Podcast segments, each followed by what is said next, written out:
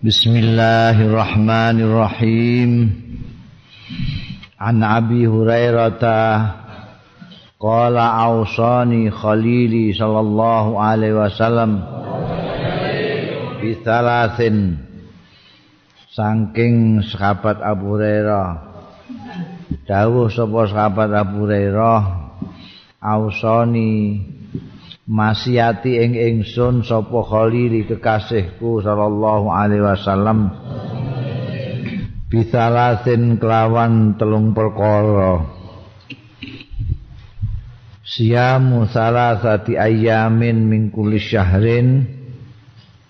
Pertama poso telu pira-pira dina min kulli syahrin saking setiap bulan tiap bulan poso telung dino terserah.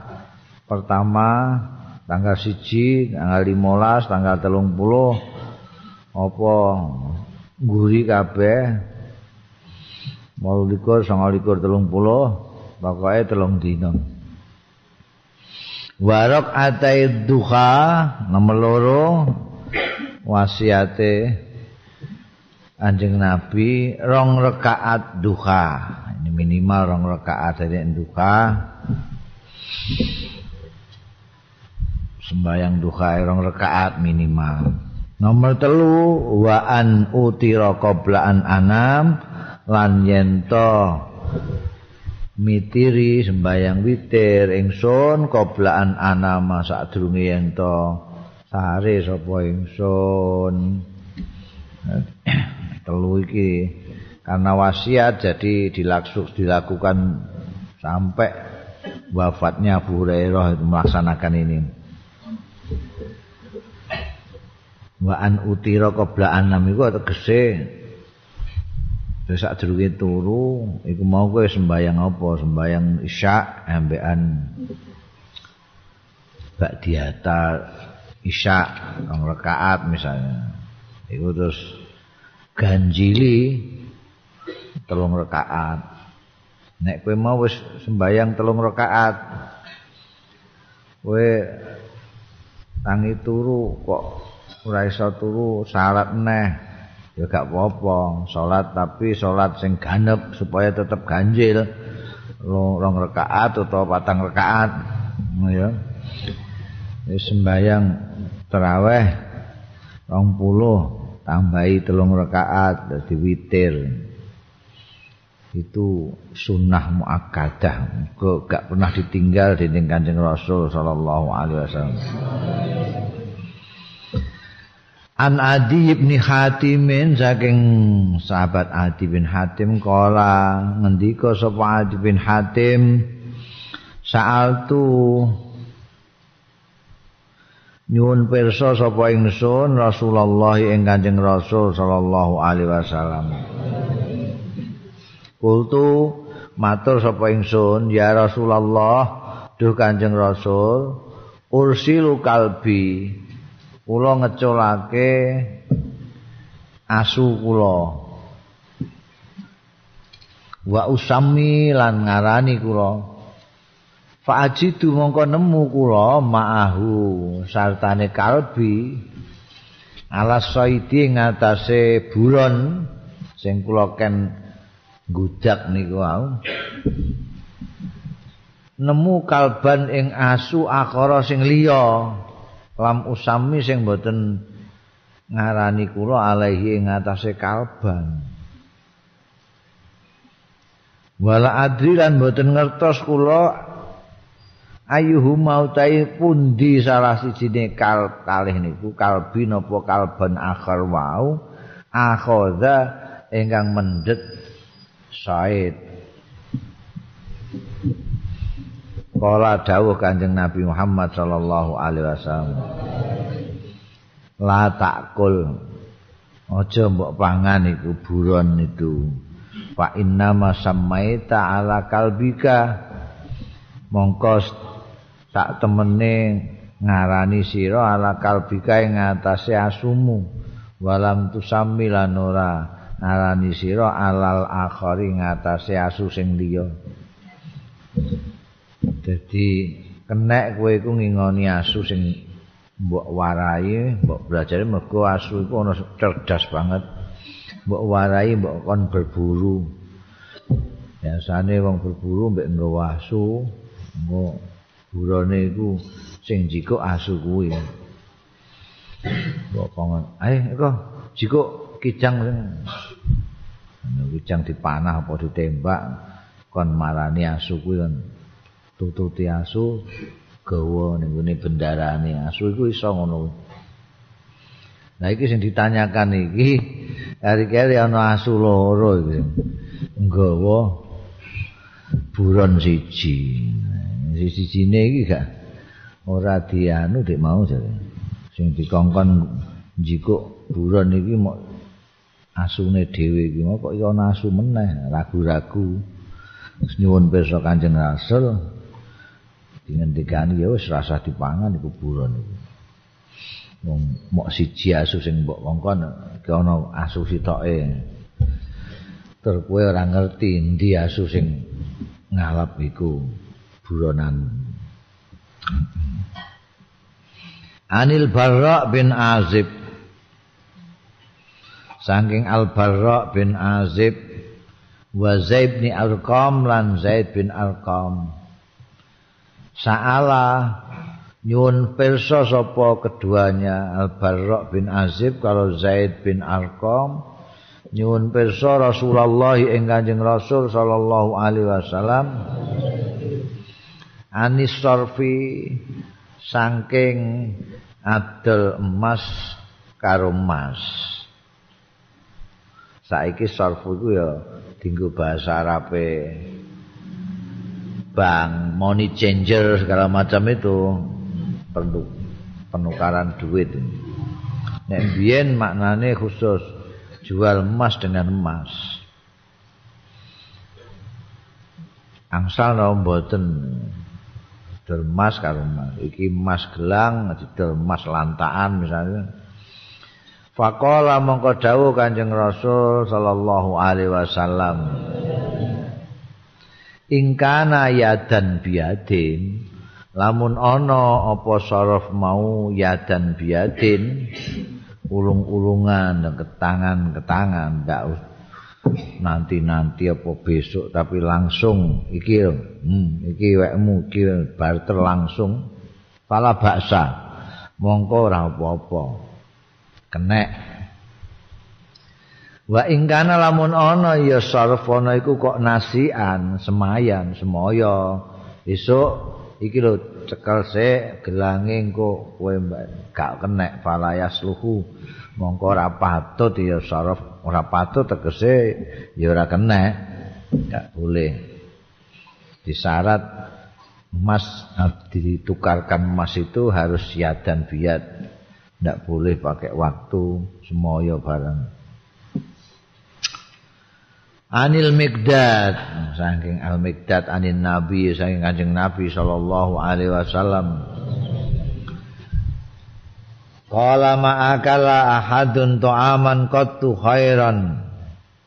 Dawuh sapa Kanjeng Nabi ma'akala ora mangan sapa ahadun wong suwiji ta'aman ing panganan qattu babar pisan khairan ingkang luwih bagus min ayyakula saking yen to mangan sapa ahad min amaliyatihi saking pekerjaan tangane emang ahadin.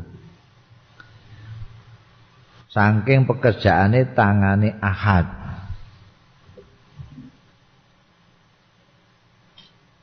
Wa inna nabiyallahi Dawud lan setune nabiullah Dawud alaihi salam. Kana ana ya Daud alaihissalam iku yakulu dahar ya Daud alaihissalam min amaliyadihi saking pekerjaan astane Nabi Daud Anjing Nabi ki dawuh Anjing Nabi. Jadi kira-kira kowe golek penggawean iku apa? Sing paling apik itu apa? Untuk dimakan. Rezeki itu kan ana sing dimakan, ana sing ora dimakan. Rezeki iku ana sing hasil kerjanya tangan, ana sing hasil kerjanya mulut. Eh, mulut iku anggota DPR. Mubalek mulut itu. Tangan petani. Tukang gawe-gawe anu kuwi, ranjang apa gawe apa kerajinan tangan itu tangan. Sing paling apik dhewe ayak kula min amaliyadi sing dari kerjaan tangan. Nabi-nabi sing biyen-biyen niku ya ngono, punya pekerjaan.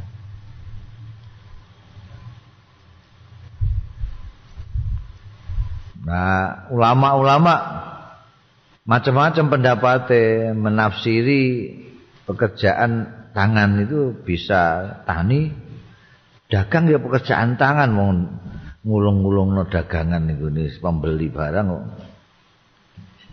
Ini ngono ya. Apa? Nelayan barang mau ngulai ya nganggu tangan. Tukang kayu itu ya nganggu tangan. Tukang batu nganggu tangan pokoknya hasil tangan. Penulis nganggu tangan. Jadi kayak aku ini ya. Iku termasuk khairan iku diwangen mergo yakul min amaliyatihi. Kerjaan tangan to kuwi ngetik. Nabi-nabi koyo Nabi Daud bareng kok nyambut gawe ngono Nabi Nawud, Nabi Nuh, Nabi Nuh iku tukang kayu. Mulane gawe perahu apik banget. Nah, tukang perahu. Nabi Ibrahim barang itu mau gawe. Kanjeng Nabi Muhammad sallallahu alaihi wasallam. Dagang kanjeng Nabi. Dagang. Lho Nabi Daud itu wong raja kok nyambut gawe barang. Nah itu untuk yang dimakan itu. Jadi ono sing untuk makan ono sing tinggu tuku sapu, keset, barang kan ono kowe duit. macam-macam. Mulane nek cara kiai-kiai kuno iku dibagi-bagi duit itu di anu di apa jenenge eh ora dadi siji ngono lho. Iki duit kok sedekahan, iki duit kok apa jenenge pertanian, nandur-nandur, ana nandur klopo, rong wit terus didol. iki duit kok tim sukses. Itu kan dhewe. Cara kuno itu biyen Allah yarham abah itu kan anggota konstituante. Untuk untuk honor itu konstituante itu saiki ya meh padha karo MPR MPR tapi nek nyangoni aku mbek NK Khalil niku ora tau dijikukno kok konstituante iku. Hmm. Tapi diutangno wong desa. wong desa sing petani utun kuwi nandur-nandur pari dhewe terus didol-dol dhewe ngono kuwi gabahe didol. Ku diutangno. Kang aku utang gabahe kan. terus didol terus disangokno lan kok iku mau dibayar sampai duit honor konstituante iku itu kan jadi dhewe eh metune dhewe hasil tangan itu beda biyen abah iku duwe ning wetan omah iku duwe wit pisang bibite kok kemadu kok ngene Kiai Said. Hmm. Kiai Said juga sugih bangsa tanduran-tanduran ngono. Lopo pisang barang ngono. Sawit, sawit itu desok ning wetan omah itu. Pas ning lawangan. Jadi apa nek nulis lagi ngarang ngono iku iso nyawang lawang ambek terus nek dibuka lawange iso nyawang wit gedang iku.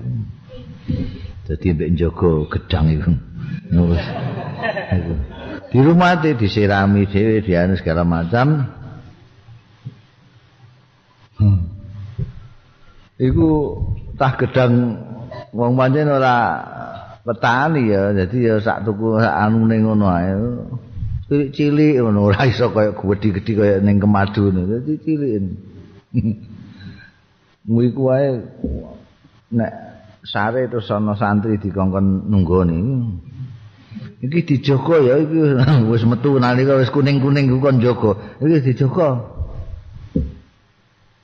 nggih jogo Engko nek awan dijogo dhewe mbek nulis gitu lho.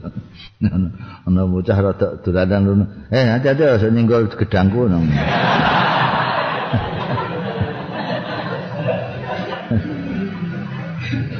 Bareng wis wayahan iku. Ya ya wis mateng iku sing mateng mok pira ngono sithik mon.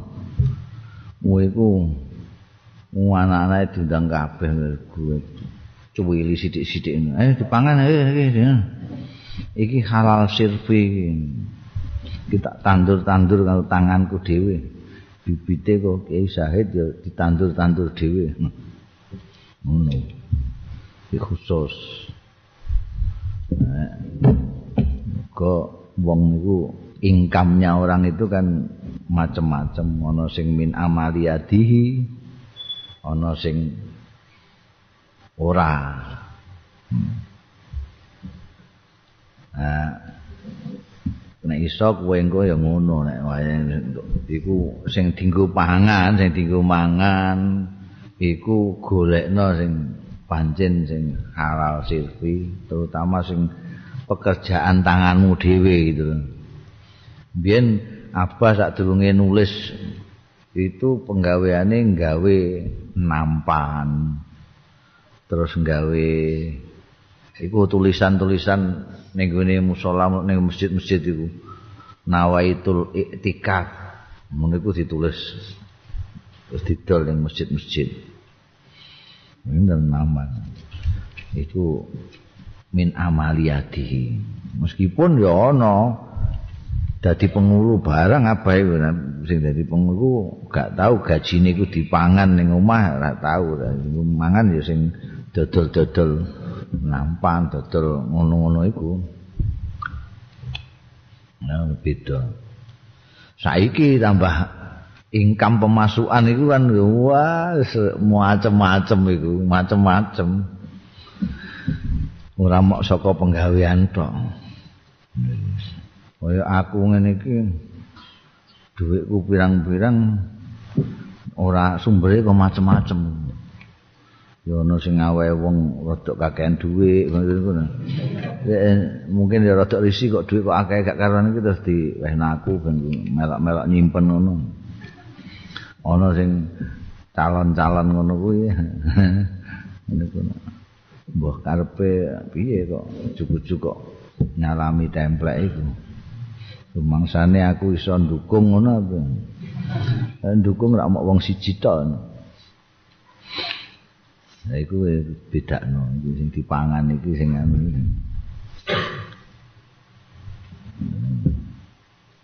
khairan min ayat tidak ada sama sekali. Kotu itu sama sekali. Ma'akala ahadun to aman. Kotu khairan min ayat kula min amaliyatihi soalnya sing mbok pangan iku dadi getih dadi mani dadi macem-macem. Getih iku nek mengaliri tangan-tangan iso obah ning dindi mengaliri meripat meripatmu iso ndelok rono rene mengaliri kaki kakimu iso melangkah ke sana kemari. Lah nek iku bahan darah segala macam itu dari makanan yang bagus maka tangan ya dilalah kepingin iki buka Quran, kepingin sedekah ning wong, kepingin salaman karo dulure. Nek sing dipangan ora genah. Iku terus tangan iki kudu nempiling wong. Kudu banting kope ngasane ngono. Oh eh dilalah itu sikil barang itu sikil dijak ning langgar ya sarasen juga masjid sarasen mergo bahane. Bahaya meneh engko nek dadi mani terus dadi anak. Anak dadi terus megelno ati tok ngono ya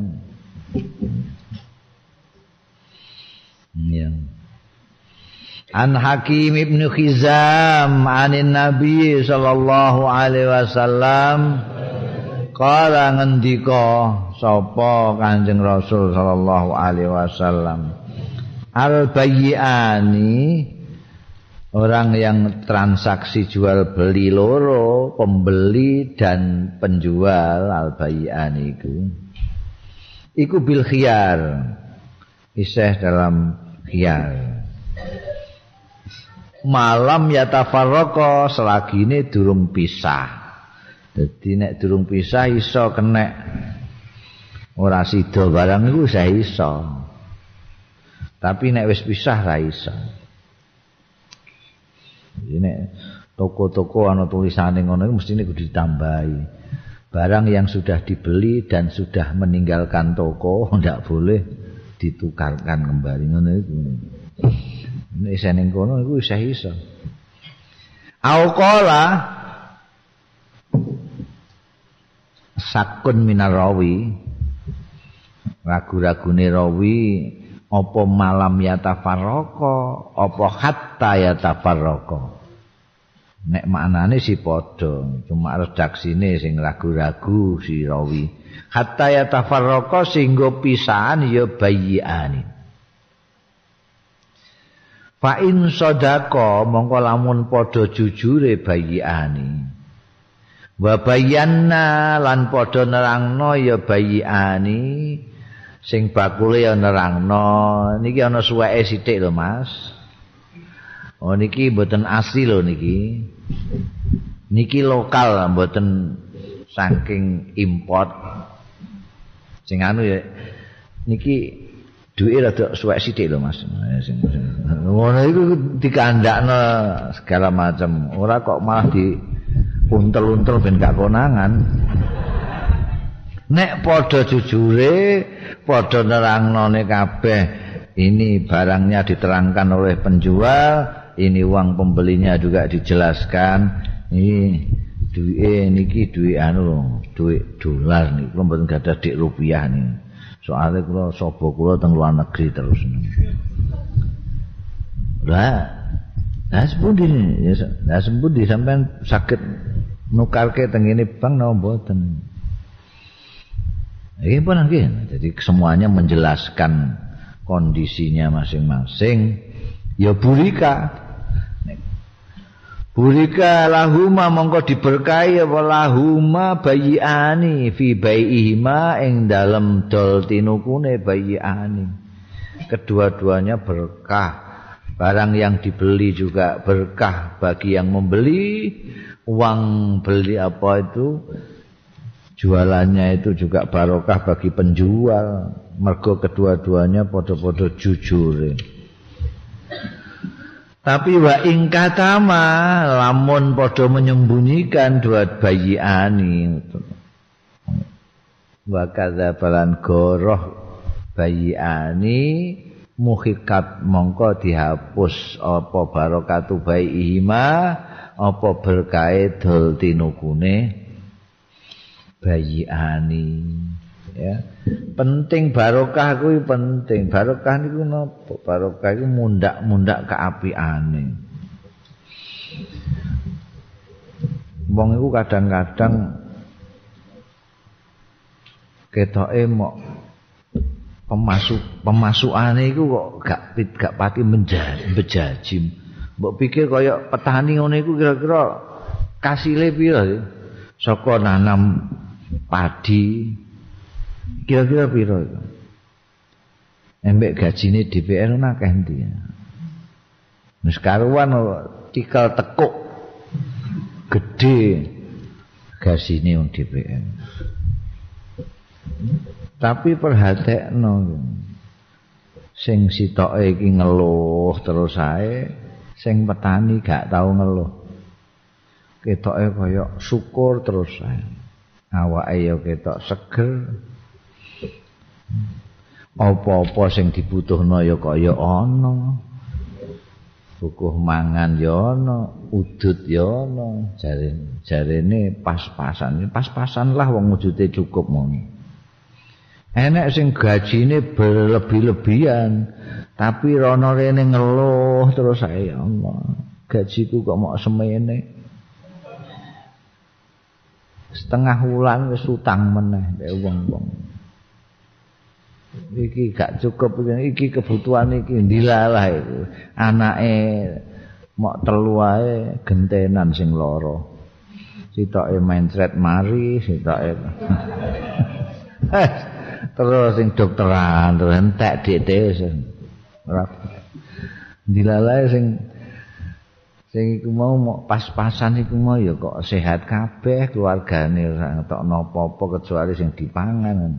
Barokah wong dagang ku ya ngono kuwi. Nek jujur barokah. Sing jujur kok karo pisan barokah karo karone pembeli maupun penjual. Nek sing jujur penjual tok sing berkah penjual tok. Barokah An Aisyata saking Siti Aisyah kala ngendika Qalat Hindun Ummu Muawiyah li Rasulullah. Siti Aisyah sing nyeritakno iki nyeritakno omongane Hindun.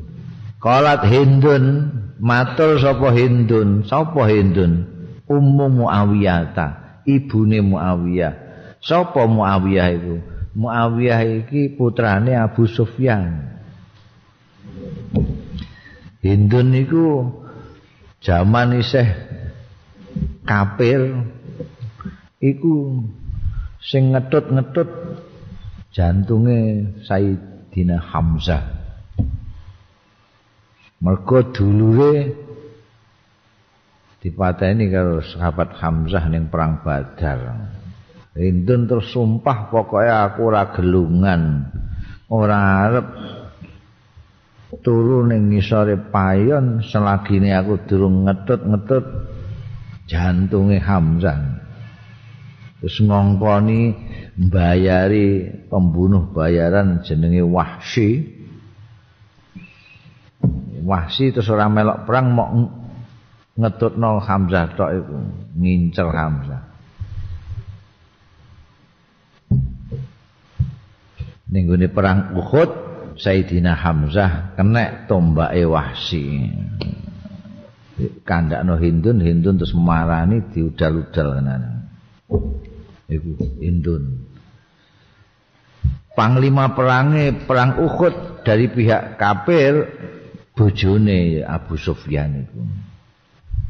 Tapi kesane Gusti Allah taala pas Fathu Mekah Abu Sufyan mlebu Islam. Hindun ndak lama juga masuk Islam. Terus matur ning Kanjeng Nabi, Kanjeng Nabi long koyo ngono. Kanjeng Nabi nalika melihat jasadnya Sayyidina Hamzah itu kan enggak kuat. Sadis teman mesti ini greget-greget nek ketemu Hindun kan dalam keadaan menang Fathu Mekah. Iku mestine eh ngono mestine. Ternyata enggak. Karena Hindun menyerahkan diri diampuni mbek Kanjeng Rasul. Ngantek Hindun Ummu Muawiyah iki matur karo Kanjeng Nabi, Kanjeng Nabi biyen niku mboten nonton tiyang sing kula gwethingi ngungkuli jenengan niku mboten nonton. Wong sak donya sing paling kula gwethingi jenengan. Sakniki mboten nonton sing luweh kula cintai ngungkuli panjenengan niku Hindun. Iki Hindun iki sing matur wis mlebu Islam, Abu Sufyan ya sudah menjadi orang Islam. Muawiyah sudah masuk Islam kabeh iki. Hindun Ummu Muawiyah matur ning gone li Rasulillah marang Kanjeng Rasul sallallahu alaihi wasallam. Kanjeng Rasul Inna Abu Sufyan maksudnya bojone suaminya Inna Abu Sufyan sedunia Abu Sufyan niku rajulun wong lanang sahihun sing muwedite mboten karuan. bojone dirasani Abu Sufyan niku tiang jalan sing muwedite mboten karuan. duwike mau diadai teng pundi teng kupluk tukang teng pundi Fahal alai alaiya junakun mongko ana ta iku alaiya ing atase ingsun ing atase kula junakun utawi dosa. Nek aku min mali sirron mendet an akhudha. Yen mendet kula min mali sing bandane Abu Sufyan siron ngale rahasia. Nek diem-diem kula colong duwite ngoten sepundi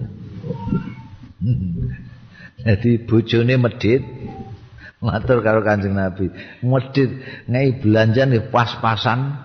Kula niku kepengin napa-napa mboten sakit sepundi nek? Duwike kula wendet meneng-menengan ngoten sepundi? Angsal tah mboten? Kala dawuh sapa Kanjeng Nabi, "Khudhi anti wa banuki ngalapo sira anti sira wadon wa banuki lan anak-anakmu ngalap maing barang yakfiki sing nyukupi awakmu bil ma'rufi kentri ape." Ya jiko ya jiko tapi aja akeh-akeh aja kabeh. Ya sak perlune ae kowe butuh apa? Ameh nguwai dhuwit anakmu pira sedinane ya ngono. jika sak perlune aja terus mbok anu kabeh dompete mbok tuntek. Entekne iku aja sak perlune ae. Dadi iki kanggo apa istri-istri yang suaminya medit-medit itu Lah kowe sing lanang-lanang sing ameh dadi suami iku ya aja medhit-medhit ngono ndak dicolong mah bojone. An Ibn Abbas saking Abdullah bin Abbas sami tu Rasulullah mireng sapa ingsun Rasulullah kang Kanjeng Rasul sallallahu alaihi wasallam.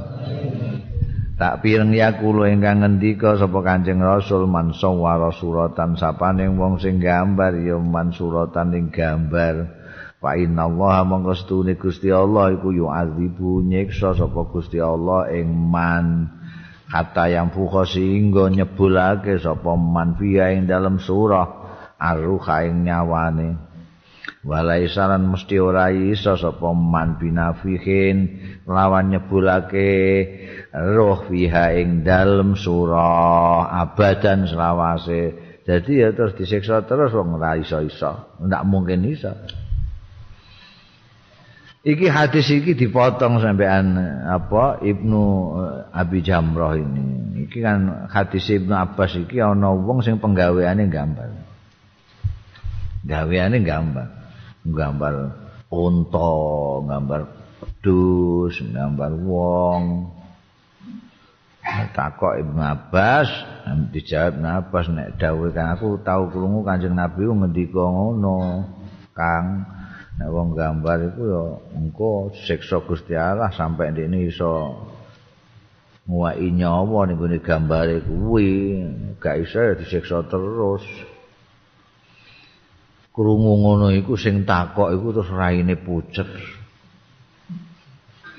Terus ketok kaya panik ngono. Lho napa kanggo ngono? Nggih kula niki bin Abbas, kula niki penggawean kula niku saged kula gambar. Ya ngoten gambar di ngotenake niku sepundi.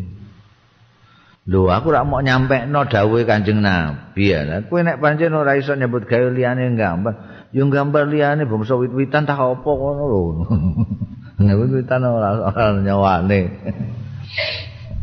Dari hadis ini terus timbul berbagai macam pendapat. Papat boh lima pendapatnya tentang gambar ini. Nah, sing ana sing melihat dari segi gambar itu berbentuk apa enggak? Mergo jenenge surah itu bisa tiga dimensi bisa dua dimensi. Mereka ulama-ulama yang melihat dari sisi ini mengatakan bahwa kalau gambar itu tiga dimensi kayak patung barang enggak boleh kalau gambar foto barang ngono itu gak apa-apa mergo gegere gak ono Kuwi foto ngono iku gegerem ra ono. Ana sing pokoke haram mutlak, ana sing halal mutlak, ana sing diperinci, nek dihormati gak oleh. Nek ora dihormati oleh. Dihormati ku tegese dipajang-pajang kaya anu ngono kae. Eh. nek pengen selamat ya iku mau dawuh Ibnu Habbas mung penggawean saiki penggawean sing paling gampang iku gambar Masya Allah pelukis-pelukis iku ketoke ngono sugih-sugih iku aku gambar alip ae payu 50 juta ya. Gambar alip ya mbah mergo sing gambar aku mbah pancene gambare apik mbah pancen sing tuku rada edan angel. Sing penting lah. Wis tak takokno ambekan Kiai Said Allah yarham niku nek kula dodol lukisan kula nggih kaji ngoten sepuluh. Ora jawab tapi alhamdulillah. Ya berarti ya apa ya? Gambar pirang-pirang kok kuwi kudu gambar wong, gambar kebo barang kuwi apa gambar. Sekarang ada aliran ekspresionisme, ono aliran kubisme, ono aliran abstrak. Ya siku ae golek sing gak ono makhluk apa sing abstrak ngene iki kan gak ono. Coret-moret ngene iki kan. Jadi ora bakal kowe dikongkon ngiseni roh wong panjenengan ana ruwe. barang sing abstrak itu. Ngono ya. An Ibni Abbasin saking Abdullah bin Abbas anin Nabi saking Kanjeng Nabi sallallahu alaihi wasallam. Ahaku ma akhatum mutai luweh berhak berhake barang akhatum kang ngalap sira kabeh alaihi ing atas emma ngalap ajron ing honor iku kitabullah taala. Kitab Gusti Allah taala. Eh nek wong mulang apa jenenge ABCD anu barang digaji kok. Mosok mulang Quran luwih berhak dikai hono. Iki sing dienggo dalil ning Imam Syafi'i.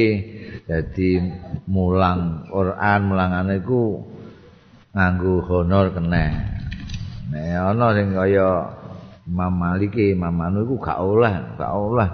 Wong iku ibadah kok. Mulang Quran kuwi ibadah. Jadi ya bayarane ya ganjarane Gusti Allah, ora kok dit. Heeh. Cara sapi ya oleh. Hakku ma akhadtum alai ajran kitabullah taala. aku kelingan zaman ngaji ngaji Quran Fatihah telung wulan iku. Angger ngaji nangis angger ngaji nangis.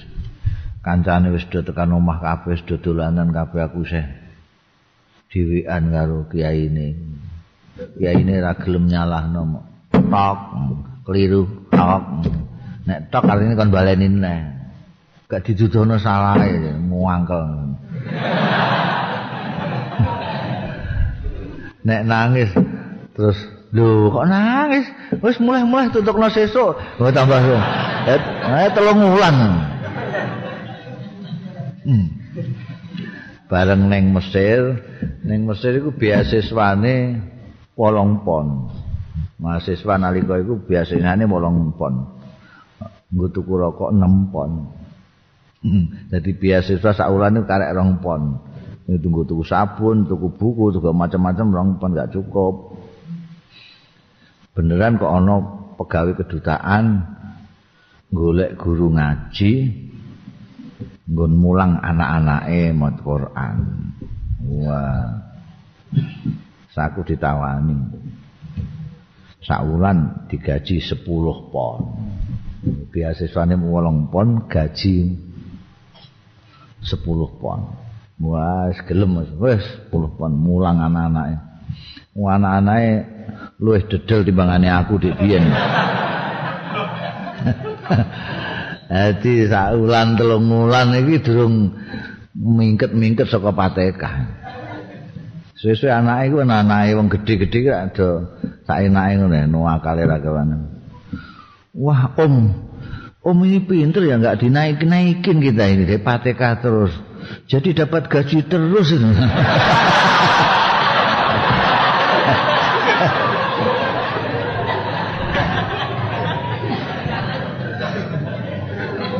sepuluh pun. Aku terus keiringan kalau kiai ku ya Allah, sing mulang aku ngantek nunggoni aku ngantek dalu gratisan ngono kae aku saiki tak tularno ning wong 10 pon sak wulan. ngantek 6 wulan ijeh patekah. Berarti 6 ping 10 kan swidak pon iku. Patekah tok iku. Bule ana hadise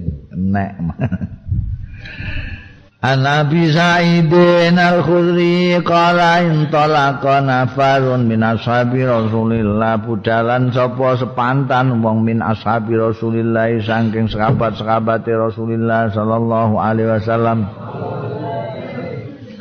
Menurut riwayat lain Nafarun iki sing mimpin ya Sa'id Nabi Sa'id al-Khudri iki. Fi safaratin ing dalam lelungan. Kanjeng Nabi itu biasa kalau ana istilah zaman Kanjeng Nabi ghazwah embek sariyah. Nek ghazwah itu peperangan yang Kanjeng Nabi mimpin sendiri itu ghazwah. Ghazwatu Badrin, ghazwatu Uhud, Hunain Kalau yang kanjeng Nabi tidak memimpin sendiri, tapi sekabat-sekabat yang ditunjuk, itu namanya syariah. Syariah. Nah ini termasuk bepergian syariah ini. Onon yang mimpin Abu Sa'id Al-Khudri yang ditunjuk kanjeng Nabi mimpin. Kayak wingi sing sembayang asar ning Bani Quraidah kan itu syariah. safaruha kang lunga ya nafarun min ashabi Rasulillah. Ha ing safra hatta nazalu. Nafarun itu beberapa orang itu ya sekitar 3 sampai 10 lah. Nah 11 ke sana ya bukan nafar. Yang dia menafar itu 10 sampai eh, 1 sampai 10 3 sampai 10 berangkat wong-wong iki kata nazalu sehingga singgah. Singgah mudun ya nafar ala hayyin ing atase swijining desa min ahyail arab. Saking desa-desa arab. Nek bangsane Mekah Madinah Jeddah kutha ora desa fastadhafuhum mongko nyuwun sugata ya nyuwun ya njaluk njaluk sugatan nafar mau hum ing hayun artine penduduk hayu kono. Mergo ning perjalanan haus lapar segala macam terus mara ning wong-wong niku. Niki kula sak rombongan lesu ngorong mbok sampean sugoi napa tah napa. Eh telo-telo tah napa. Fa ora gelem.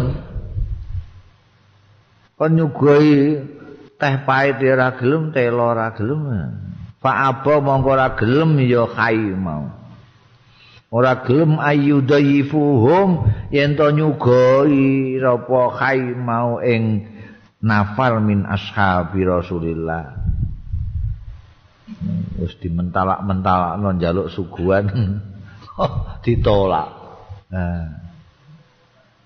Kualat akhirnya. Falu diho maka dientup kalau jengking sapa sayyidu dalikal khayi lurae mengkono-mengkono desa mau. Lurae dientup kalau jengking. Wah geger gembor-gembor kalau jengking padang pasir Fasa'au mongko do berusaha ya wong-wong hayu mau. Lahu kanggo sayyidu dalikal khay kanggo lurae mau. Bikuli sayin kelawan segala sesuatu. Wis kono golekno anu. Cara saiki digolekno segala macam godhongan minyak itu minyak tawon anu segala macam dicari untuk nambani tapi layan fauhu. Ora manfaati apa kulo sayin hu ing sayyidu dalikal khay wuh tambah abuh. Gak iso mari. Faqala ba'duhum. Mongko celatu sapa ba'dhum sebagian haid ana wong-wong sing kandha law itu. Amun nekani sira kabeh haula irahtu ing mengkono-mengkono gerombolan mau kumpulan alladzina nazalu sing mampir ya ladzina bikum lawan sira. Iku mau ora ana wong asing mau sing mampir kene sing do njaluk anu mau Mbok menawa-menawa la Allahu ayyakuna inda ba'dihim. Menawa kelakuan iku ayyakuna yen to ana inda ba'di mono ing sandinge sementara. Alladzina sayun suwiji-wiji mbok menawa ndek duwe tombo apa tah apa wong-wong mau rombongan mau jajalah fa'atauhum ana sing usul ngono terus fa'atauhum mongko nekani ya wong-wong hayu mau hum ing nafar min ashabi Rasulillah. Faqalu mongko do matur ya wong-wong hayu mau. Ya ayyuhar rahtu Duh, tiang-tiang rombongan. Pak bapak rombongan. Inna saidana sedune pemimpin kita. Lurah kita niku ludiga dintup kala jengking.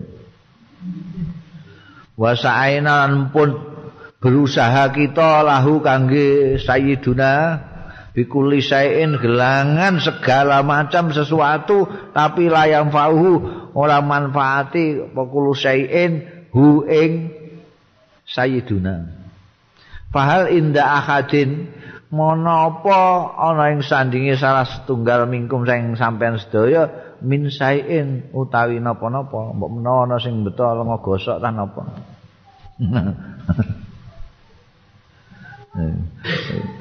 Iku cara kowe syukur ngono. Pakola ba'duhum iki ana. Dalam satu riwayat yang mengat pakola ba'duhum mongko ngendika sapa ba'dum sebagian nafar. Ini satu riwayat sing ngendika iki justru pimpinannya sendiri yaitu Abu Said Al Khudri yang nyeritakno cerita iki. Tapi ning kene kok muni faqala ba'duhum. Sebagian nafal itu ada yang mengatakan, "Naam, ya. Ini satu meneh ingsun wallahi demi Allah. La arki aku iso nyuwuk. Aku pinter nyuwuk aku. Iso aku. nek mau bangsa dintup tawon dintup apa kalau jengking gampang tapi walakin wallahi nanging tapi ini wallahi demi Allah laqad istadafnakum teman-teman wis tak mentalak-mentalak non jaluk kita suguhan kuming sira kabeh falam tudayifuna monggo ora gelem nyugoi sira kabeh kita gak iseling mau aku rono njaluk suguhan teh pahit mbek telo ae gak wae. Aku senajan iso nyuk moh nyuk mama ana birokin. Mongko ora ana utawi ingsun niku birokin nyuk lakum kanggo sira kabeh. Kata taj'alu lana ju'lan. Sehingga menehake sira lana karo kita ju'lan ing honor. Iso gratisan lah, sorah. Wong kowe mau tak jaluki ngono ae gak gelem. Saiki aku emoh. Aku iso nyuwuk mesti cespleng. Tapi ra iso nek mbok ngomong gratisan. Harus akeh Mbok bayar apa? Nek iso mbok bayar apa? Fasolahuhum mongko padha rembukan perdamaian antarane orang-orang hayu mau ambekan nafar min ashabi Rasulillah ala ing atase sepantan minal ghanami saking wedhus. Jadi gimana kalau semene? Oh, wah, semene. Ora semene. Akhirnya terjadi ya sah qati minal ghanam. Qati minal ghanam itu antarane 10 sampai 40. Nek nafar mau 10 eh telu sampai 10, nek qati itu untuk istilah wedhus itu 10 sampai 40. Jadi iso 30, bisa 35, iso 40. Eh, 35 wedhus tak suwuk. Ora, ora. Ya wis ya wis. Fasalahu malakat minal ghanam. Pantakal pantolako moko budalan sapa ba'dhum faja'ala. Monggo kumandang ya ba'dhum yatfu alaihi. Yatfu iku tuh ngono iku apa jenenge? Nyuwuk ra ngono kuwi ya. Tuh. Nyebul tapi sing ana idune sithik iku ya. Bahasa Arab iku nek yanfuhu iku nyebul tanpa idu. Nek yatfulu iku ana idune sithik. Nek yapsuku idu tok isine puh. Yang biasanya di nyuwuk iku yatfulu. Tuh, ngono. Yatfulu. Apa ngono iku jenenge? Yes nyuwuk ngono ae. Alaihi ing atase sayyidul kaum mau lurae di nggo napa jenenge sing dintup endi? Iki ya sikil. Lah sing diwaca apa? Wa yaqra'ulan ma'asi ya ba'duhum alhamdulillahi rabbil alamin. Ngantek walad dolin. Pateka sing diwaca.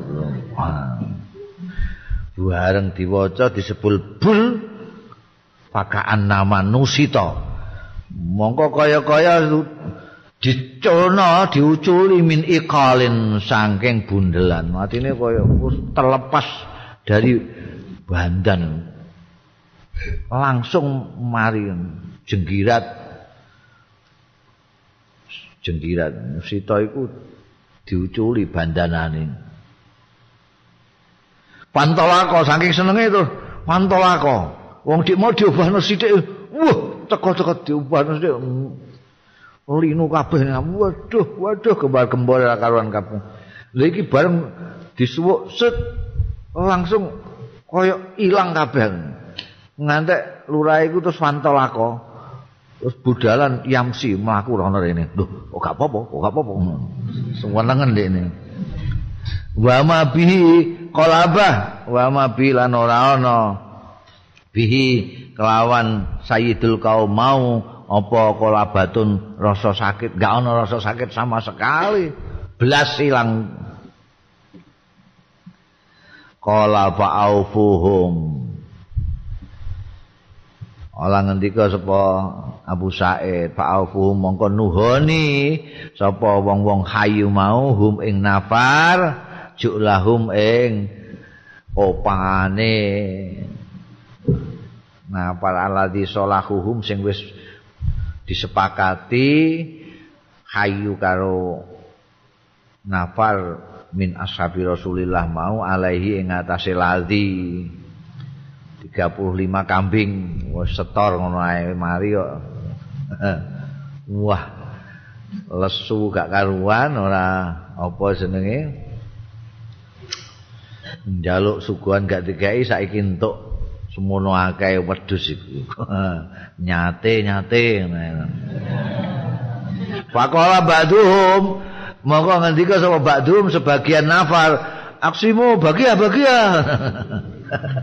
Mestine sing nyuwuk sing entuk sing ngono sing nyuwuk. Iki bagi, bagiane sing nyuwuk. Tapi kancane bagi bagi bagi. Kala lati roko. Mongko ngendika sapa wong roko sing nyuwuk mau. Lho bagi-bagi piye wong sing nyuwuk aku bagi-bagi. Rataf alu. Aja nglakoni, aja nindakno sira kabeh pembagian barang hatta nak dia sehingga sowan kita nekani kita Rasulullah yang Kanjeng Rasul sallallahu alaihi wasallam. Panadkura mongko nutur kita lahu marang Kanjeng Rasul alladzi kana ing kedadian kana kang ana ya ladzi panandura mongko ningali kita melihat kita. Mayak mununa ing apa yak muruna perintah sapa kanjeng nabi ing kita? Aja kok anggere buga bagi to nyotanyate piye? Matur sik mek kanjeng nabi. Iki kan kedadian iki dituturno. Piye kanjeng nabi putusane Pakodimu mongko padha sowan. Ya nafar ala Rasulillah ing atase Kanjeng Rasul sallallahu alaihi wasallam pazakaru mongko nuturake ya nafar mau lahu marang Kanjeng Rasul Pakola mongko dawuh sapa Kanjeng Rasul, "Wa ma yudrika iku apa yudrika merohake ya ma ing sira andaha ruqyatun setuhune." Fatihah iku ruqyatun, alhamdulillahirabbil alamin iku ruqyatun suwuk. Sing ngandani kowe sapa nek Fatihah kena dienggo suwuk iku? Kala dawuh sapa Kanjeng Rasul sallallahu alaihi wasallam, "Qad asabtum wes jamu wis entuk-entukan kowe." Eksimu wis bagi-bagi. Bagi munake kowe ya dhewean ya kan wis bagi. Wadribuli ma'akum, aku dibagi ya wadribu An gawe sira kabeh li kanggo ingsun ma'akum sartane sira kabeh sahan sahman ing bagian. Fadhika lan gujeng sapa nabi kanjeng nabi sallallahu alaihi wasallam. Itu kanjeng nabi mengatakan buat aku ya dibagi lo nah, itu kan untuk meyakinkan mereka bahwa itu halal sekali halal. Jadi iki sing jadi kowe engko nek nyuwuk niku halal Kanjeng Nabi minta bagian berarti halal tenan. Dan itu menunjukkan kearifan akhlake Kanjeng Rasul. Ora kok ya sing nyuwuk sapa mau? Iku sing nyuwuk terserah sing nyuwuk lah. Nek ndikne gelem mecingi liya-liyane ya ben dipecingi nek ora ya ora mesti yang ngono ya. Gak bagi-bagi bagi. Ya. Bagi. Di penggawean sing paling gampang kok iku kowe iku nek pancen ora entuk penggawean apa-apa. Dadi tukang suwo. Suwo cukup modale patekah tok iku wis patekah tok. Biyen ning jaman nomku kene iki ana cah santri sing delok ketoprak kesambet mbok wetenge muling-muling. Wah, karu-karuan. Ngantek emeh ngundang wong tuane barang iku santri kok malang. Wenekane wetenge waku. Aku terus kelingan hadis iki. Wis kowe janji ngandel mbek aku ya. Eh sak suwuk. Sepatekah demek wetenge. Iku ya kaya lurah kene iki ngatuk mbek dikenek-kenek wetenge. Lho lho lho tapi aja kondo-kondo wong aku ngono aja kondo-kondo wong aku dadi dukun aku Ini kanjeng Nabi dawuh Al-Fatihatu lima kuri adlah. Fatihah itu tergantung sing maca juga apa itu dinggo suwuk mandi. Ono kedadian sing luar biasa zaman aku duwe mobil pertama kali. Jadi anggota DPRD untuk bagian mobil. Mobilnya Daihatsu. Wah. Agak iso nyetir untuk mobil anyar, setir dewi, kari-kari kebanan yang tengah jalan. Wah, sidang paripurna nganggo desi, nganggo jas barang, tidak kebanan. Mateng aku. Nyegati motor-motor sing liwat, gak harus yang gelem mandek, truk lah gelem mandek, apa meneh bis, gak harus yang mandek. Terpaksa iki ganti ban dhewe. Padahal sing kunci sing dibuka sekrupe ban iku mok semene tok iku diasu. Tanganku ngantek suwek kabeh. mateng aku mulai jase copot bariku terus desine copot bariku terus klambine copot terus terus kaos copot blodor antekan semua ora kasil masalah ganggu tangan ganggu sikil siset kabeh kene lah wong iku pasangan kok pabrik ya? Buka ambek tangan ra iso. Sing buka tek ora pengalaman sisan. Wis. Setengah wis buanting ae wis. Es tengok-tengok tenger-tenger ya ngenteni nasib baik aja wong wis sak jam ora iso buka ya wis. Denger-denger dadakan terus kelingan Fatihah rada anu sih dene kene iki nakal-nakal sithik Fatihah digo ngene iki ndak sejajal bismillahirrahmanirrahim nyur nyur nyur nyur lho Kita buka. Masya Allah lah. Oh, gak mau-mau. Hah? Eh, mau. Iso sidang paripurna aku. Masya Allah. Mulai. Wah, undangi ono Pak Desol, Kak Soy. Wah, wong-wong adik barang ini adik. Aku dengi ilmu anyar. Eh pokoknya buka sekel barang wis ora usah nganggo kunci pokoknya. Wis dodok kabeh ndelok aku iki. Wacana pateka nek meken. Ora obah blas.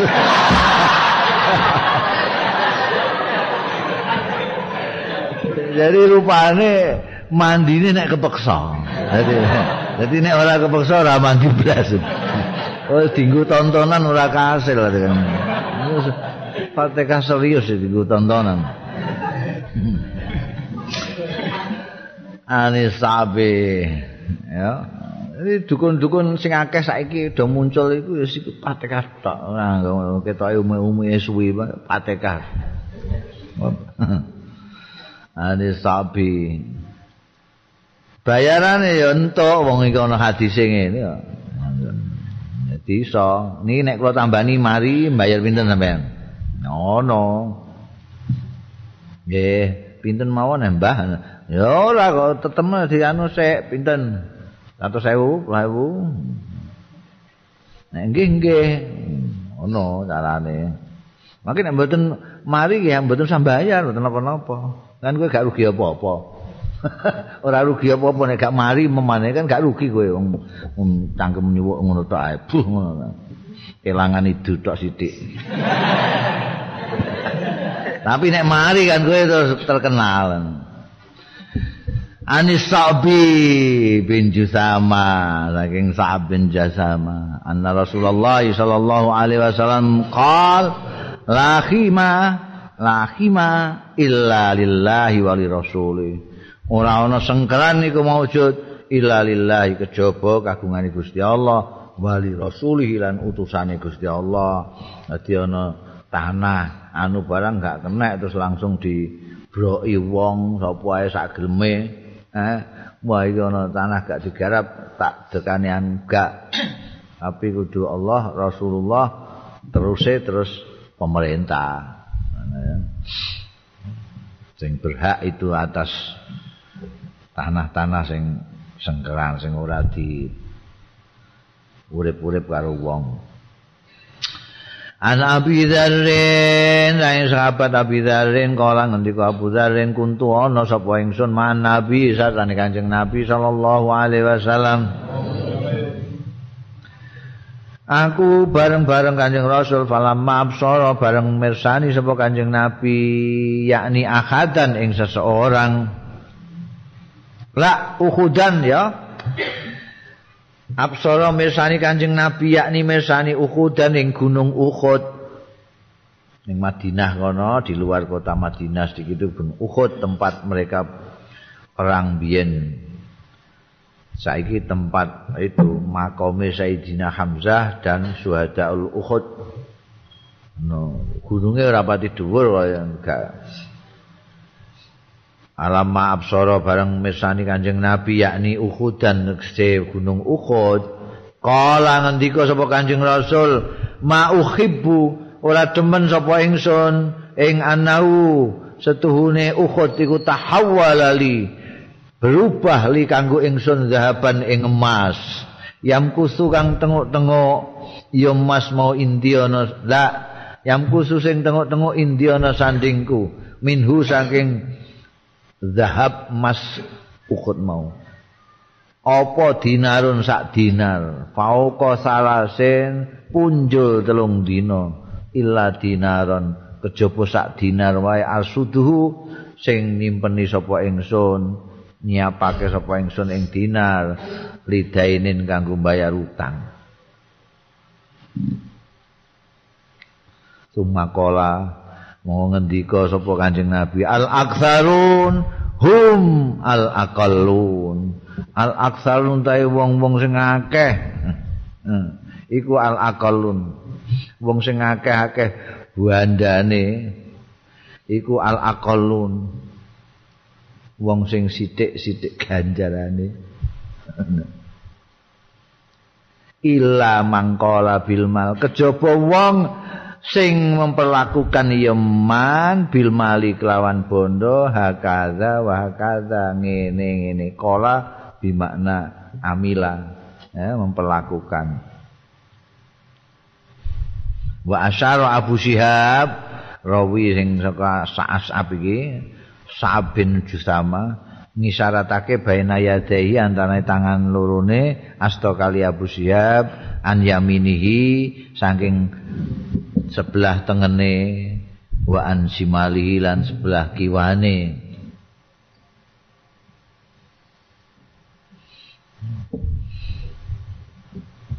Ini kancing Nabi. Kok umpang aku gak kepengin pamane iki gunung iki, misalnya gunung Uhud. Gunung iki kok dadi emas kabeh. Kanggo aku.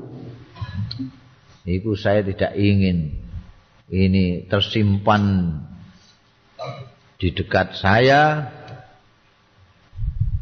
sampai satu dinar pun. Dinar itu duit emas. duit dinar.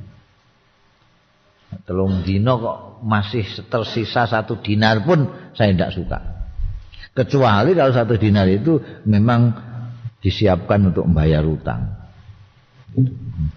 Jadi anjing Nabi itu tidak suka menyimpan bondo di paling satu dinar yang untuk apa jenenge bayar utang. Itu itu sudah menjadi tabiat Kanjeng Rasul sallallahu alaihi wasallam. Jadi tidak pernah menyimpan duit sampai tiga hari barang ngono gak ono. Ngantek mubalagha kok umpama duwe gun, sak gunung emas itu dibagi semua sampai tinggal satu dinar untuk bayar utang tok itu. Jadi Nabi dawuh sing akeh-akeh detail akeh bandane iku malah ganjarane mok sithik. Nek apa? Haung arang-arang ngamal kakean ngitung duit tok. duit ngurusi duit ngurusi kan. Kecuali wong sing sugih tapi mempergunakan hartanya untuk bangun madrasah, untuk nyumbang ini, untuk ini. Wa qalilun mahum. tapi sing ngono iku ya sithik wa qalilun lan kidik mahum barang kang hum ya eh man bi, bil maliku sing wong sugih sing terus nasrapno bandane untuk sedekah untuk zakat untuk membantu untuk ngamal jariah sedikit jumlahnya Wa qala lan dawu sapa Kanjeng Rasul sallallahu alaihi wasallam. Dawuhi Abu Dzarrin, makanak netepono sira ing panggonanmu. Tengok-tengok ngono, maksude makanak. Aja lunga-lunga ya, hatta atika sehingga nekani sapa ingsun ka ing sira. Ning kono sik teni. Nek aja lunga-lunga nek aku durung teko. Wa takot damalan maju Kanjeng Nabi ghaira bait ora pati adoh. Dadi ujug-ujug Kanjeng Nabi terus muni ngono. Enteni sik ya, aku tak anu engko nek aja lunga sik nek aku durung balik. Kanjeng Nabi terus rono ora adoh. bareng tekan kono fasami tu sautan aku terus krungu suara dari arahnya kanjeng nabi suara kon suara wantre men fa'arat tu mongko ngarepake sapa ingsun an atihi an atiyahu yen to nekani sapa ingsun ing kanjeng nabi mergo krungu suara dari arah kanjeng nabi Tapi summa zakartu moko keri-keri kelingan sapa ingsun kaulahu ing dawuhe Kanjeng Nabi makanak kayak tanda kutip iku. Makanaka hatta atiaka. Di mau wis didhawuhi Kanjeng Nabi kon tengok-tengok sadurunge Kanjeng Nabi rawuh balik kon gak entuk lunga-lunga. Dadi aku gak sida aku jane kepengin kepengin roh swara apa iku. Falam majaa bareng rawuh meneh sapa Kanjeng Nabi. Kultu matur sapa ingsun.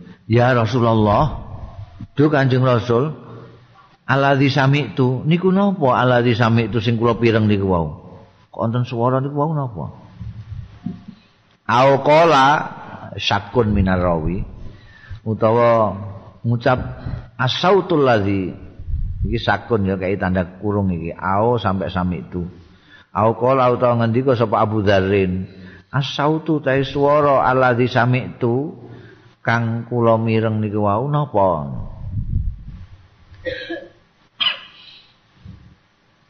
Tanda kurung tutup. Kala dawuh sapa Kanjeng Rasul sallallahu alaihi wasallam, "Wa hal sami' Hal sami' ta ana ta krungu sira? Lho kowe krungu mau?" kultu matur sapa ingsun. Naam nggih mireng. Kala dawuh sapa kanjeng rasul atani jibril iku mau aku rono sediluk mau kan aku ketekanan malaikat jibril. Atani ngrawuhi ingsun sapa jibril malaikat jibril. Faqala mau ngendika sapa jibril man mata min ummatika sapaning wong mata kang mati ya man. Min ummatika saking umat sampean Muhammad. La yusriku ale ora syirik ora nyekutokno ya man bilai kelawan Gusti Allah. Ora nyekutokno saean ing apa-apa. Dakhala mongko mlebu ya man al jannata ing swarga. Pokoke anggere ora syirik dawuh Jibril mau iku pokoke nek ana umatku iku pokoke ora nyekutokno Gusti Allah. Blas mlebu swarga. Kultu matur sapa ingsun. Dawuh Abu Dzalin matur sapa wa in fa'ala kaza wa kaza. Senajan nindakake ngeten nindakake ngeten. Ning gone riwayat liya wa in saraka wa in zana. Tapi ning kene wa in fa'ala kaza wa kaza senajan nyopet senajan kala na'am. Dawuh sapa kanjeng Nabi na'am. Iki iki hadis sing ngene iki hadis sing menyenangkan. sing bangsa siksa ngono iku mengerikan iki. An Abi Zaidin Al-Khudri anin Nabi sallallahu alaihi wasallam kala ngendika sapa Kanjeng Nabi Iyakum wal julusa ala turuqat. Lan wedya sira kabeh wal julusa artane linggih-linggih ala turukati ing atase pira-pira dalan aja do linggih ning dalan. Wong sing liwat iku lho sungkan. Pakalu mongko padha matur ya wong-wong malana budun minha ora ana lan iku duwe kuta budun utawi dalan minha saking julus alat turukat wah mboten sakit wa inna ma hiya majalisuna terus e.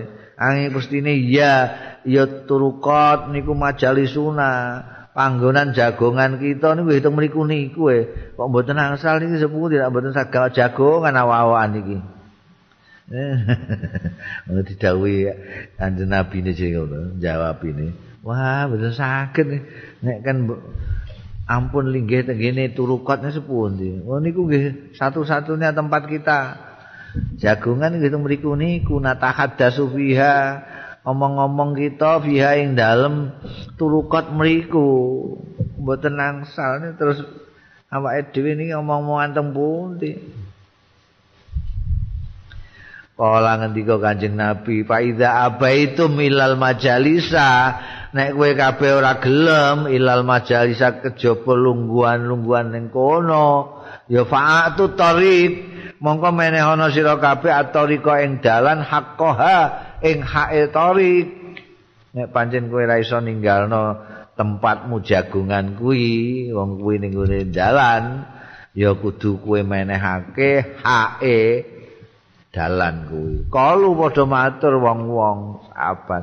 Wa ma hakut tariq niku napa hakut tariq utahe hae dalan niku napa kanjeng Kala dawuh sapa Kanjeng Nabi Ghaddul Abbasar ngeremno mripat. Nek ning dalan ngono nek ana perkara-perkara sing haram disawang ya merem. Aja malah mendelik kaya rajungan. Nah, iku hae. Wakaful adza lan tinggal nglarakno, nglarakno ati nek nglarakno wong. Oh, ana wong terus mbok he kandiu. Ana mbok godhog-godhog ngono iku masuk gak lara atine. Gantung ngono iku. Meneh terus sikil mbok plang-plangno wong terus kejungkel. Eh, gak oleh. Itu harus tidak dilakukan. Wakaful adza. Waradu salam. Nek ana sing salam aja mbok abaikan ya dijawabi. Wa amru bil ma'ruf lan perintah bil ma'ruf kelawan bagus. Wa nahyu anil mungkar lan nyegah anil mungkar. Nek ana sing mungkar lewat ning kono ya kudu mbok cegah. Undel an Abaya bin Rifa'ah bin Rafi' bin Khadij an jaddihi. Saking Abaya bin Rifa'ah bin Rafi' bin Khadij an jaddi saking mbae Abaya. Berarti mbae Abaya ya Rafi'. Wong ini anake Rifa'ah, Rifa'ah anake Rafi', mbae ya Rafi' kuwi.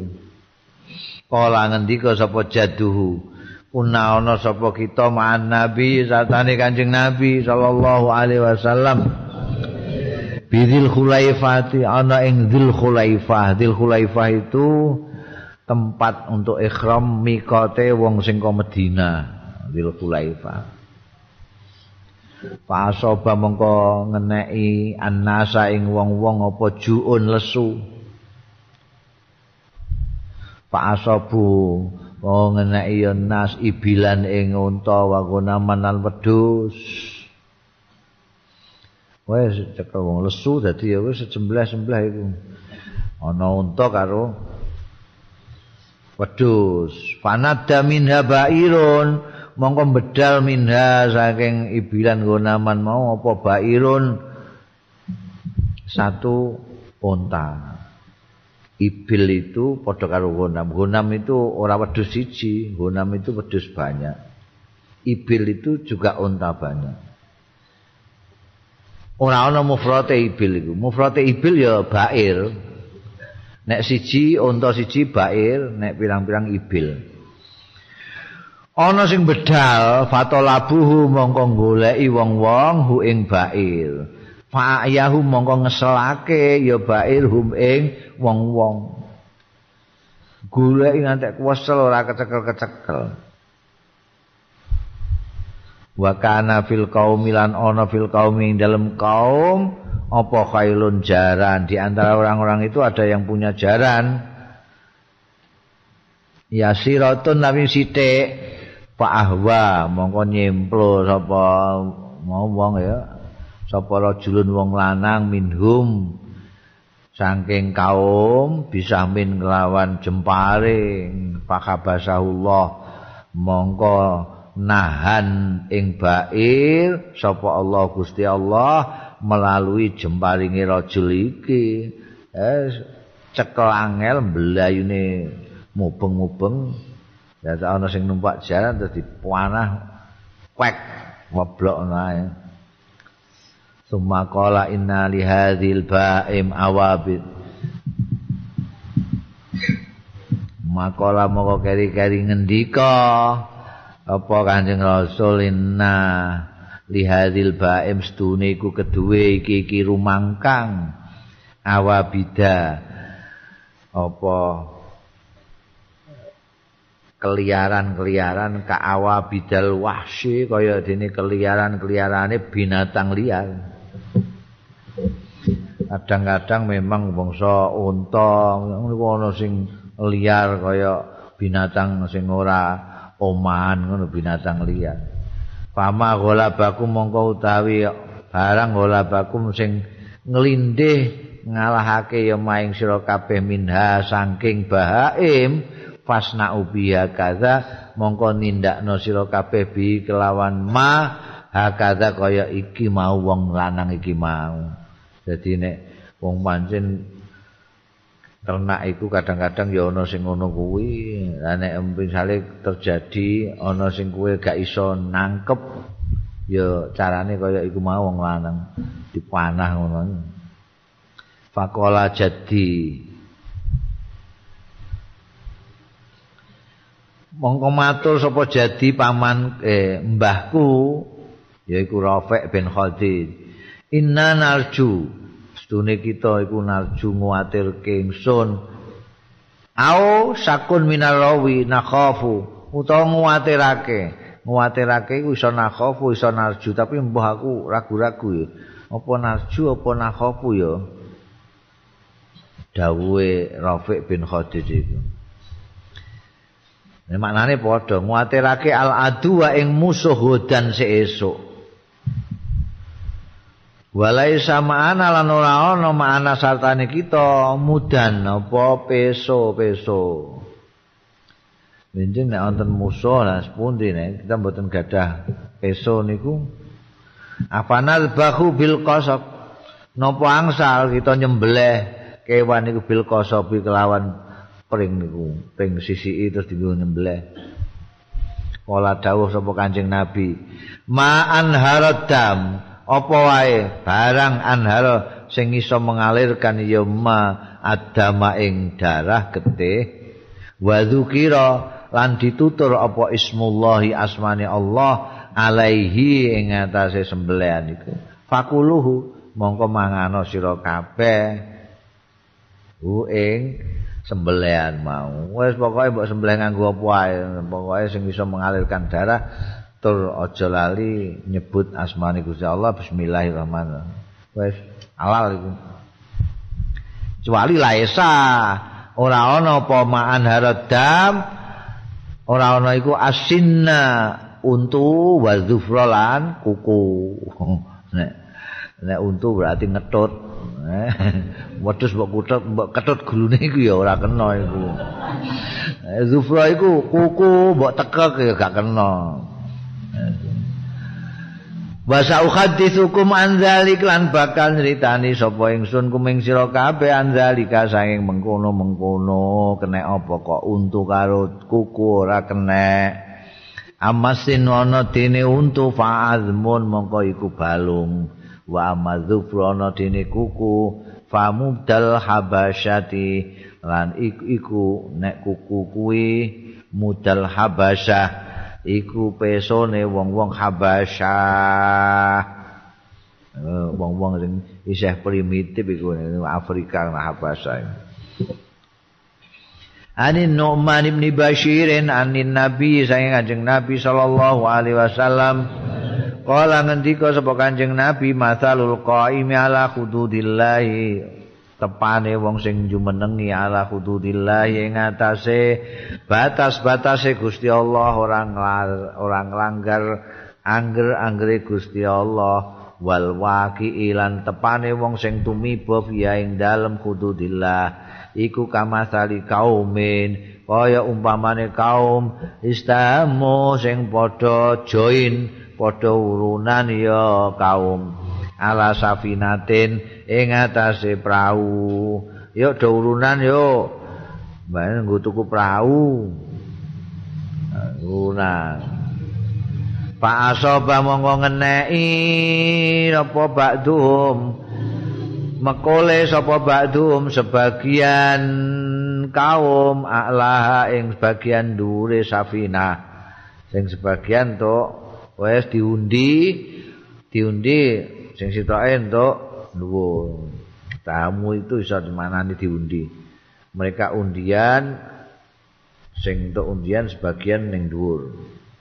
Wa ba'dhum lan sebagian ngenai asfalaha untuk undian bagian ngisor. Fakana alladzi fi asfaliha mongko ana alladzi fi asfaliha kang ana ing dalem ngisore safina Ida staqau minal ma nalikane ngangsu minal ma saking banyu iku maru ngliwati alaman fauqahu mengatasi wong sing ning dhuwure. Dhuwure wong-wong bakdum sing ning aspal. Nek arep njukuk banyu iku terus dadak munggah ngliwati wong-wong sing ning dhuwur. Wah kok gak enak kabeh ya sungkan kabeh. Bolak-balik kok ngliwati wong-wong sing ning dhuwur Pakolu mongko ngucap sapa bakdum sing ning aspal iki piye lau anna kharaqna nek anas dunia kita iku kharaqna apa jenenge? Bobol wae kita finasibina ing dalam bagian kita kene iki sing ngisor kene iki khoron khorkon ing bobolan botolan. Ya kan wong ning perahu iku nek nyiduk banyu segara kan munggah. Eh munggah ngliwati kanca-kanca sing ning dhuwur mau gak enak timbangane gak enak ngono.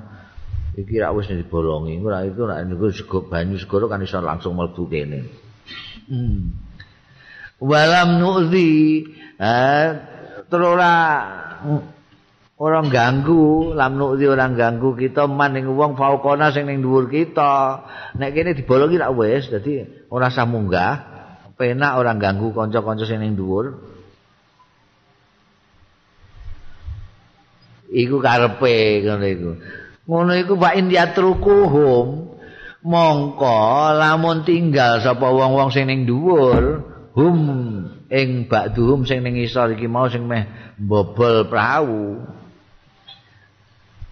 Wa masartane barang aradu kang ngarepake iya ba'duhum sing ning gone aspal iki ning isor yo halaku es mulai matek kabeh jami'an sekabehane kerem kabeh. Wa in akhadhu lamun nyandak sapa wong-wong sing ning dhuwur mau ala aidi mengasase tangan-tangane wong-wong sing ning ngisor sing arep mbobol prau mau ya najau selamat wong-wong mau. Wa najau jami'an lan selamat sekabehane wong-wong kabeh sing dhuwur sing ngisor selamat kabeh. Itu gambarane wong sing netepi angger-anggere Gusti Allah ora dilanggar anek wong sing arep ngelanggar. Iku gambarane kaya ning prau tapi wis dibagi prau iki. Wis dilotre sing sebagian ning dhuwur sebagian ning isor sing ning isor iki nek arep njikuk banyu kudu munggah karepe ndekne wis ora usah munggah-munggah kene ra wis dibolongi Anak iki dibolongi kerem praune ora ndekne tok sing kerem, tapi sing dhuwur mau ya melok kerem. Kena apa kok dhuwur melok kerem? Soale ndekne ora nyegah ana wong mbolongi kene, mesti ini dicegah. Demikian pula dalam hal kita itu di hadapan angger-anggere Gusti Allah, hududullah, kita ndak boleh nafsi-nafsi, ana sing nglanggar undang-undang Gusti Allah barang mbok njarno wae iku engko nek ana blai ana malapetaka ya kenek kabeh. Mulane bangsa bencana-bencana tsunami terus gempa bumi banjir barang iku ora kok nginggati wong sing apik-apik ora banjir kok nginggati Eh hati-hati liwat aja banjir iki, iki kiai apik iki. Gak ono ngene iku. Sikat kabeh. Sing apik sing elek toleh wis saleh. Kena apa? Ya soalnya ora gelem ya. Mudune harus sing ngandani. Kayak wong numpak perahu mau. Nek gak dikandani ora dicekel tangane aja coba bolong iku kerem. Lho iki bagian-bagianku dhewe kan wis diundi sampean bagian dhuwur wis no. Iki bagianku dhewe wong nek dikandani gak ngono. dikandani aja duraka karo Gusti Allah iku awakku dhewe kowe macem-macem ora soal awakku dhewe ngono engko nek entuk siksa iku aku bareng ketak kenek kok kena mergo gandene Gusti Allah iku gedhi gandene Gusti Allah gedhe lah aku iki kumpul kowe nang kene iki cilik-cilik pirang-pirang. Kowe wani be Gusti Allah. Tak kandhani iki mergo nek kowe digandhen aku ya kenek wong aku ning kene iki. Gandene semene iki ndak iso piye nginggati aku ora gak iso. Dadi gandhen mesti kenek aku kenek aku kenek. Mulane aja duraka aja ngantek kenek gandhen iki lho. Bunda lan Nabi Hurairah saking sahabat Nabi Hurairah kala kala Rasulullah sallallahu alaihi wasallam Al-Zahru tawi gigir, gigir iku geger. Geger iku punggung. Punggung iku maksudnya punggungnya binatang. Punggungnya binatang apa jaran, apa unta, tumpaan lah. Yur kabu iku ditumpaki ya Zahru binafaqati kelawan nafaqai Zahru sing nafaqai sapa? Ya iku sing tumpaki sing nafaqai.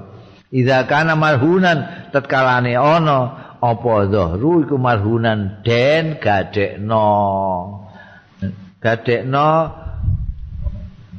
iki terus sing gade gadeknone jaran itu jaran. Tumpaki ya gak apa-apa ditumpaki kena. Tapi kudu nafakoi dekne sing ngumpaki. Wala banu darilan laban sing poan poh-poan iku yusrabu diombe juga binafaqati ida kana tetkalane ana polaban ana iku marhunan den gadekne. Wa alal ladzi yarkabu lan iku atas wajib atas wong sing numpak utawa wayasrabu lan sing ngombe dalam hal laban an nafaqatu utawi sing nafakoi An Asma binti Abi Bakrin. Yang Asma binti Abi Bakrin Mbak Yuni Sayyidi Aisyah. Kalat ngendika sapa Asma kuna nukmaru kuna ana sapa kita kabeh? Nukmaru diperintah kita kabeh. Yang perintah ya Kanjeng Nabi indal kusufi nalikane ana graana iku diutus kita bil ataqati kelawan merdekakno budak jadi perbudakan itu itu sudah ada sebelum Islam.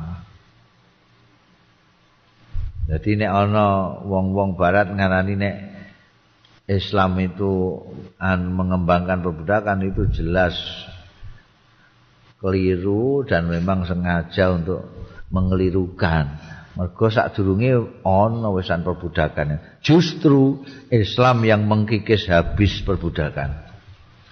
Muga ana bayar kafarah juga yang paling apik dhewe merdekakno budak tebusan eh, melanggar larangan budak-budak.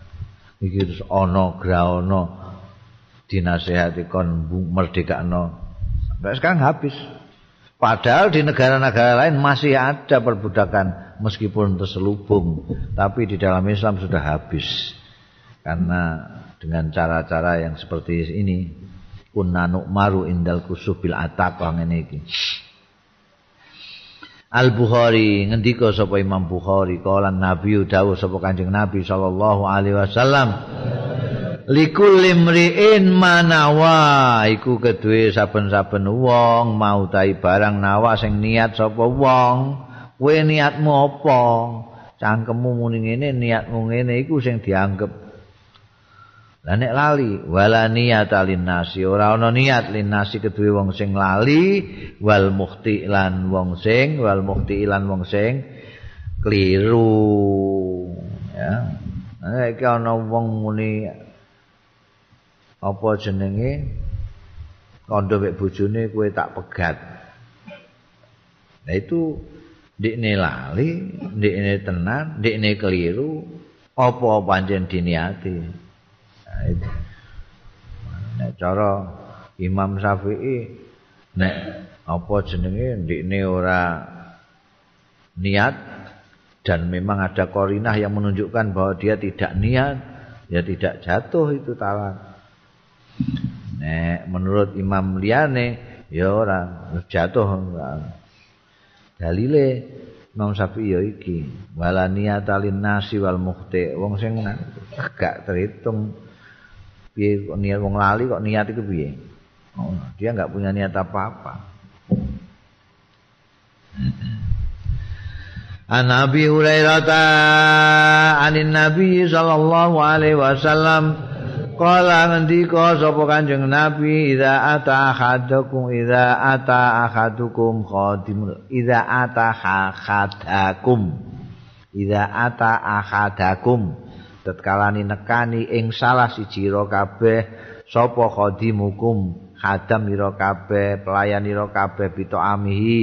Kelawan pakan mangane pakanane akadukum Pak ilam yujlis sumangka lamun ora nglenggahake sapa akadukum hu ing khadimuhu ma'ahu sartane akadukum ya fal yunawilhu monggo supaya mbagei sapa akadukum hu ing khadim. Lukmatan senajan sak puluhan au lukmaten utawa rong puluhan au aklatan sakun minar rawi iki sakran apa lukmatan apa aklatan sak manganan au aklata ini torong manganan. Iki beda. Nek lukmatan itu puluhan nek aklatan ya piringan itu piringan rong piring. Fa innahu mongko setune khadimuhu iku wali sing nangani ilajahu ing apa jenenge? Memasak to'am ya. Iku ajarane Kanjeng Rasul sallallahu alaihi wasallam. Bagus sekali. Jadi kue umamane duwe pelayan khadam iku mbok kon masakno makanan engko nek wis dadi disuguhno kue iku sing apik dhewe ya jak mangan nggih eh, ayo kene nggih bareng eh mangan bareng ngono wala kula mangane kali bojo kula bareng ya. Nek gak gelem ngono ya dibagi, aja kok terus ora mbok bagi apa-apa. Kowe mangan ndekne sing masak, masak gule sak piturute. Kowe mangan enak-enak ndekne sing masak. Terus ndekne mbok kae kecap tok ngono ae. Terus akeh ya. Iku ana wong sing mentolo ngono iku ana ngono iku. Iki kecap tok. An Nabi Hurairah anin Nabi saking Kanjeng Nabi sallallahu alaihi wasallam kala ngendika sapa Kanjeng Nabi laudu itu lamun diundang sapa ingsun ila qura'in audhira'in maring kikil audhira'in utawa sampil ajab tu yakti ngijabai sapa ingsun walau oh dia. Ilaiya. Lamun dihadiah ilaya maring ingsun dihadiahake ilaya maring ingsun apa ziraun apa sampil au quraun utawa kike lakabil tu yakti nampa sapa ingsun. Dadi kanjeng nabi ku gak kaya raja gak kaya anu ngono manusia biasa. Pokoke kikil kersa undang. Monggo kanjeng nabi waturi daharan tenggen kula. Namung kikil kersa kanjeng nabi iku. Ora kok terus kanjeng nabi takok apa lawe kikil hmm. makanan kok kikil enggak ono ngono iku. Jadi anjing nabi itu sangat tawaduk siapa yang undang silakan. Hmm.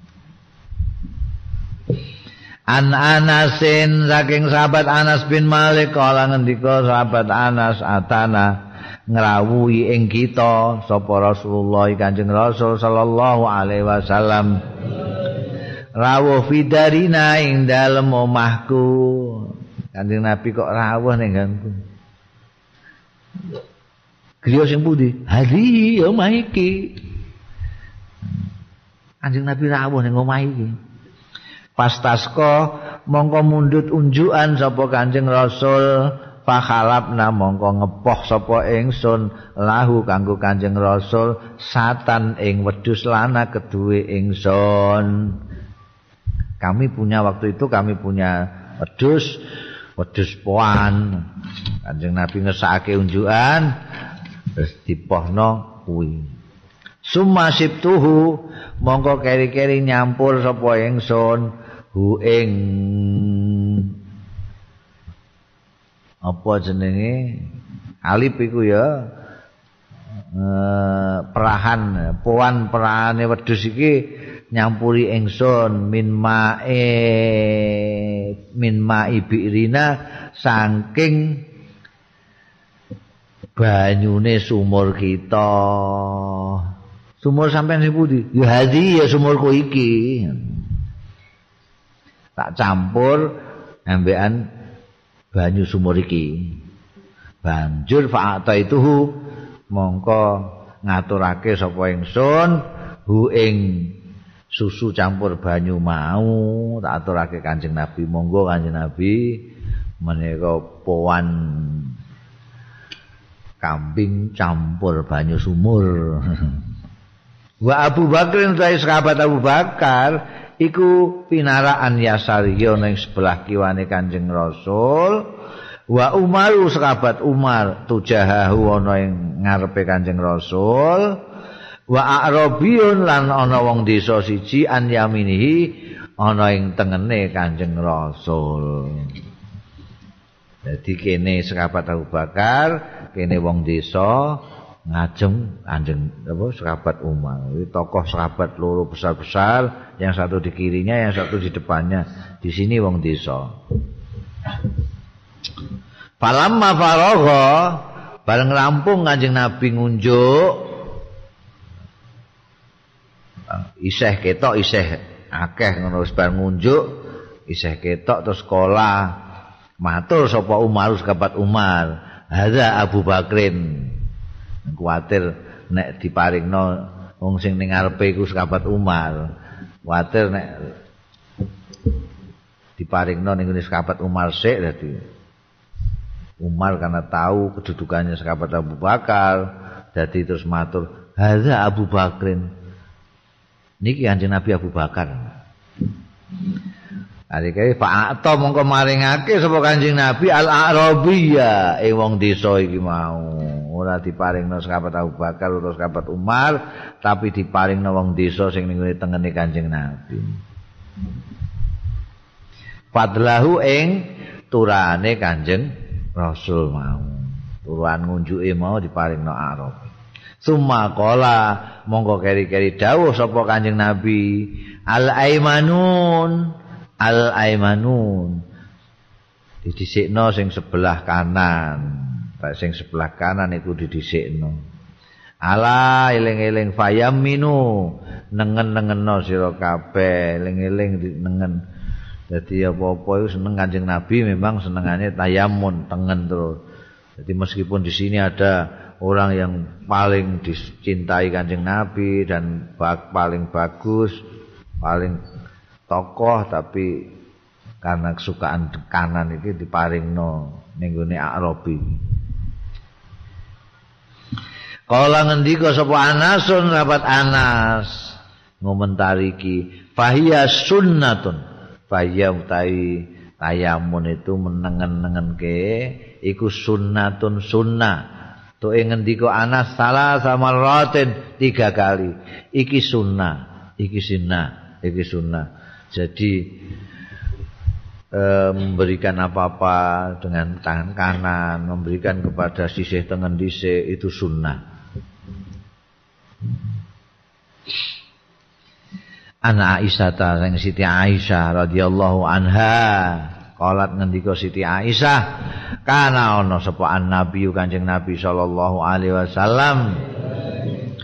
Iku yakbalu nampa sapa kanjeng nabi al hadiah ing hadiah wa bulan males ya kanjeng nabi alaya ing atase hadiah nek sedekah kanjeng nabi tidak menerima tapi nek hadiah menerima. Dan kalau kanjeng nabi dapat hadiah selalu ada balasannya. Jadi nek untuk kolak oh, balik ya mbah gedang goreng mbah apa? Kanjeng Nabi tidak tahu. Untuk hadiah tidak memberi balasan, itu juga balasan oleh Kanjeng Nabi. diparingi madu karo wong balik di ijoli kurma gitu. Itu akhlaki Kanjeng Rasul sallallahu alaihi wasallam. Al Bukhari qala Nabi wallahu a'lam